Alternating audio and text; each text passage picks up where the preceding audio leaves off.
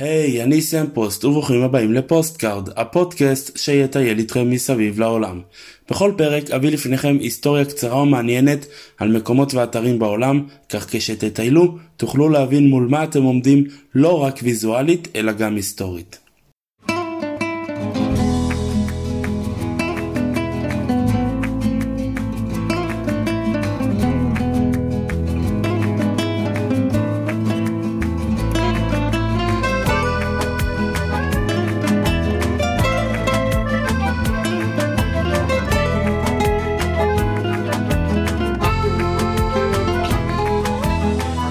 והיום נטוס כ-18 שעות לקנקון שבמקסיקו, ואז ניסע עוד כשעתיים לחצי האי יוקטן, ונגיע לאחד המקומות העתיקים והמחושבים מבחינה ארכיטקטונית ואסטרונומית, ואני מדבר כמובן על הצ'יצ'ן איצה שבמקסיקו.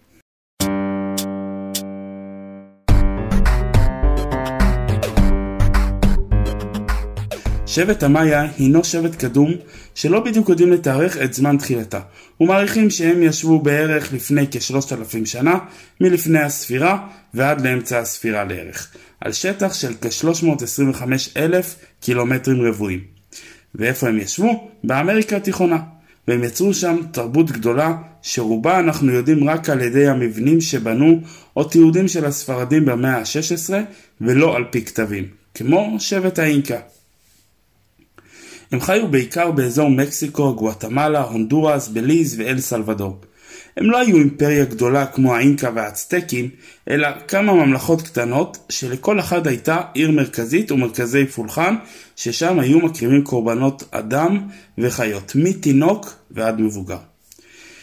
הם היו ידועים כבעלי ראש פחוס על ידי לחיצת ראש התינוק מלידתו, וכן עוד כל מיני שינויים וקעקועים בגופם. המלך לעומת זאת היה שונה במראהו משאר השבט, בקעקועים ובצורת פניו. הם התגוררו בבתי בוץ וגידלו בעיקר תירס, שהיה גם צמח מקודש. הם רכשו ידע עצום באסטרונומיה, מדעים, מתמטיקה ותכנון מקדשים על ידי גרמי השמיים, שבהם גם האמינו. היה להם גם כתב סמלי מיוחד, שעד היום עדיין לא הצליחו לפענח כל כך.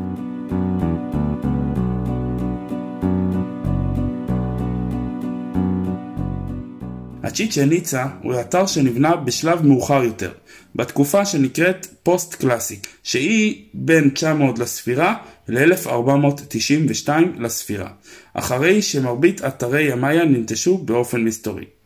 ניסו לייחס את זה לכיבוש הספרדים, אך זה קרה ככל הנראה לפני. אולם עדיין חלוקות הדעות האם ננטשה או שנחרבה אחרי פלישה אלימה. על כל פנים, ממלכת מאיה כן חוסלה סופית על ידי הספרדים.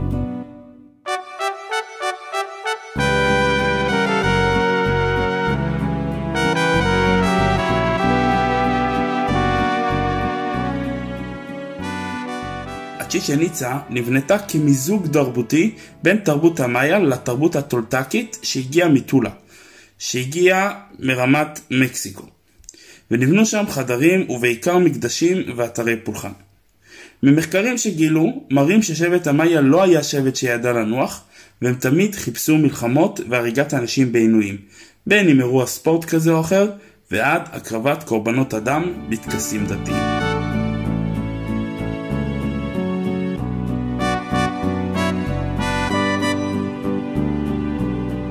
ועכשיו, כשגילינו את הצ'יצ'ה ניצה, בואו ונראה מה יש למקום להציע.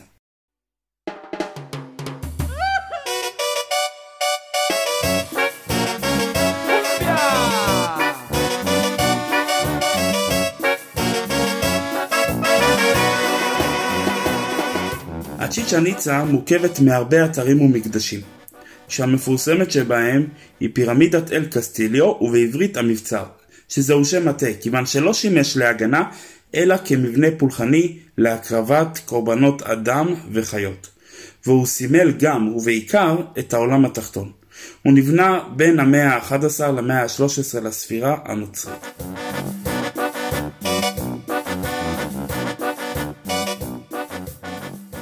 גובהו 30 מטר וגודל הבסיס הוא כ-55 מטרים רבועים. בכל צד שלה ישנם 91 מדרגות כך שיוצר 364 מדרגות סך הכל. והפלטפורמה העליונה המשותפת לכולם היא המדרגה ה-365. אם מזכיר לכם המספר הזה משהו, זה נכון, זה כמניין ימות השנה. הפירמידה מחולקת לתשע קומות שמתקטנות כלפי מעלה, מה שיוצר 18 קומות לכל צד, מכיוון שגרם המדרגות שדיברנו עליו עובר באמצע, ובעצם מחלק את הפלטפורמה לשתיים. וזה כיוון שעל פי הלוח שלהם השנה מחולקת ל-18 חודשים. וכן, ישנם 52 לוחות מלבניים בכל צד של הפירמידה, שזה גם קשור בלוח השנה שלהם, תופעה שקשורה לשמש, שמתרחשת אחת ל-52 שנים. מתחת לגרמי המדרגות ישנם שני ראשי נחש ענקיים שמייצגים את האל שלהם. ומדי שנה, בשעות אחר הצהריים במהלך שוויון האביב והסתיו, שזה ב-21 במרץ ו-21 בספטמבר, השמש מטילה את הצל של תשע הפלטפורמות על צידו של גרם המדרגות, מה שגורם לזה להיראות כגוף נחש שזז עד שמגיע לראש הנחש. ואסביר. אם תשימו מצלמת וידאו ביום הזה למשך כמה שעות, ואז תראו את הסרטון בהילוך מהיר, זה ייראה לכם כמו גוף של נחש מתפתל וזז.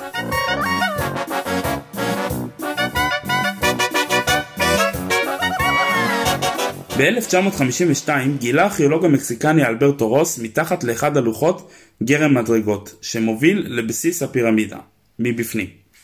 ושם נמצאו שרידי שלדים וכן גופתו של המלך פקל, מה שאימת את המידה שהוקרבו שם קורבנות אדם לאלים. בקרבת המבצר ישנו את מגרש הכדורגל הגדול ביותר במרכז אמריקה. אורכו 149 מטר ורוחבו 30 מטר, וקירותיו בגובה של כ-8 מטר. על הקירות הללו יש שתי טבעות אבן כמו סל, רק לא שוכב אלא עומד, שלשם היו צריכים לקלוע סוג של כדור, בלי לגעת בידיים רק בשאר גופם.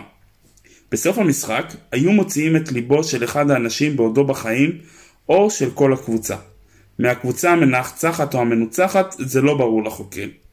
על פי ציורי קיר אומרים שגם היו כורתים את ראשי המפסידים או מגלגלים אותם כמו כדור, ואז מגלגלים אותם ממדרגות המקדש, והכל לאלים.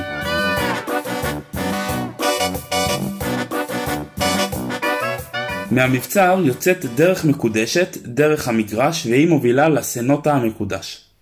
שזה כעין בולן שבתחתיתו מי תהום, והוא נקרא בפי המאיה עינו של צ'אק. אל הגשם.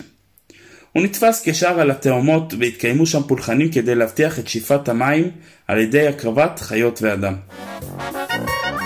ישנם במתחם עוד כמה מקדשים, כמו מקדש אלף העמודים ומחצאות עדים וכדומה. הרבה מקדשים כמו הצ'יצ'ה ניצה פזורים ברחבי מקסיקו והסביבה. וכן גילו לאחרונה מערה בעומק של כחצי קילומטר ששימשה למטרות פולחן. מצאו שם שברי צלחות שנהגו לשבור כמו בטריבונה ביוון. עדיין יש עבודות על גילוי מקדשי המאיה ומגלים כל הזמן עוד ועוד על ידי טכנולוגיה מיוחדת שמזהה פני קרקע מבעד לעצי היערות הצפופים. שבט המאיה קיים עד היום, כמובן בסגנון קצת יותר מודרני, ויש כמה אלפים שהולכים בדרך זו ומאמינים באלים למיניהם. וכמובן, בזמן שוויון של הסתיו והאביב, ב-21 במרץ וה-21 בספטמבר, הם מקיימים באתר הצ'יצ'ה ניצה אה, כל מיני פולחנים וטקסים דתיים, לא עם הקרבת קורבנות.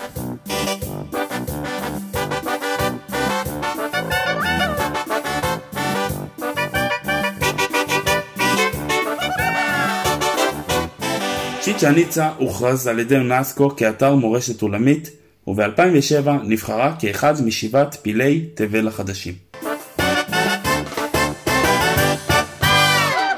ועד כאן שבעת פילי תבל החדשים. ובטח אתם שואלים את עצמכם, איפה נעלם הפלא השביעי? הרי דיברתי רק על שש.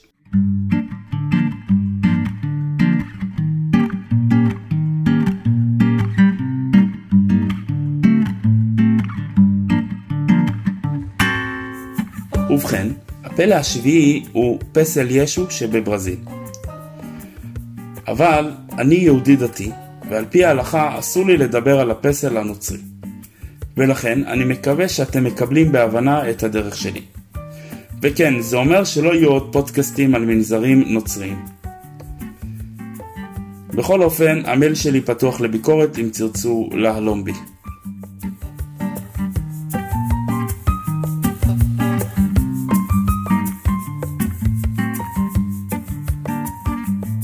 ועכשיו, אספר בקטנה על מה זה שבעת פילי תבל החדשים וכיצד נבחרו. מי שהתחיל עם המנהג הזה אלו יוונים לפני יותר מאלפיים שנה, והם כללו את הגנים התלויים בבבל, פסל זהוס באולימפיה, מקדש האלה ארתמיס באפסוס, המוזולאום של, של אלי קרנסוס בעיר אה, בודורום, פסלו ענק של הליוס ברודוס והמגדלור שבאלכסנדריה, ואחרון חביב שהוא גם היחיד ששרד עד ימינו אנו, הפירמידות במצרים. כל השישה האחרים אין אותם היום. תחילת שנות האלפיים החליט יוצר הסרטים ברנרד ובר להביא שבעת פילי תבל חדשים. הוא אסף קבוצת מומחים כדי לקדם את תהליך הבחירה הממושך של שבעת הפלאים. סיסמת הארגון הייתה מורשתנו היא עתידנו. התהליך לקח כחמש שנים והם גברו על עוד 13 אתרים מפורסמים לא פחות שהגיעו לגמר. מתוך השבע, שלוש מהם נמצאים באמריקה הלטינית, שלוש באסיה, זאת אומרת אחד בירדן, אחד בסין ואחד בהודו, ואחד באירופה, שזה הקולוזיאום. באמריקה הלטינית לפרויקט היה הרבה יותר פופולריות, לכן שלוש נבחרו משם. ההצבעה נעשתה במייל או בסמס, ויותר מ-80 מיליון איש השתתפו בהצבעה. והוחלט להכריז על המנצחים בתאריך המאוד קיצ'י, השביעי לשביעי 2007, בעיר ליסבון שבפורטוגל. אגב, פירמידת גיזה שבמצרים זכתה בתואר כבוד והערכה על כך שהיא היחידה שנשארה מפילי העולם העתיק, ויש אומרים שהיא נבחרה כפלא השמיני. בכל אופן היא זכתה בתואר של כבוד. ישנם עוד כמה קטגוריות של פלאים כמו פילי הטבע, פילי הבנייה, פילי ארצות הברית ועוד, ומקווה לדבר על כולם בהמשך. אחרי החסות, עוד בקטנה על מקום מגניב באזור.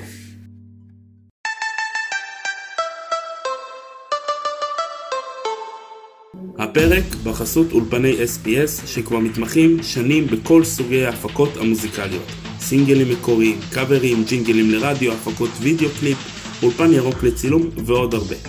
כנסו לאתר sps.productions.co.il או חפשו ברשתות אולפני SPS ותשריינו לעצמכם תאריך. הם נמצאים ברחוב הלח"י בבני ברק.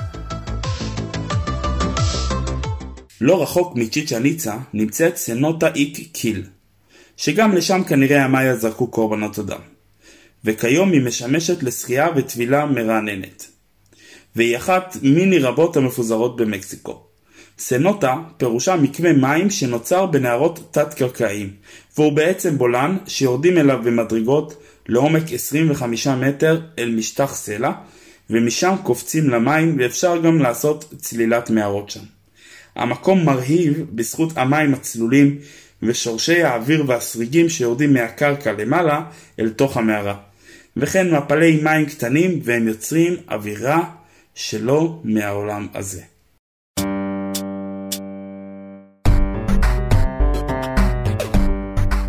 ועד כאן להפעם. אשמח שתספרו לי אם אהבתם או כל ביקורת מועילה.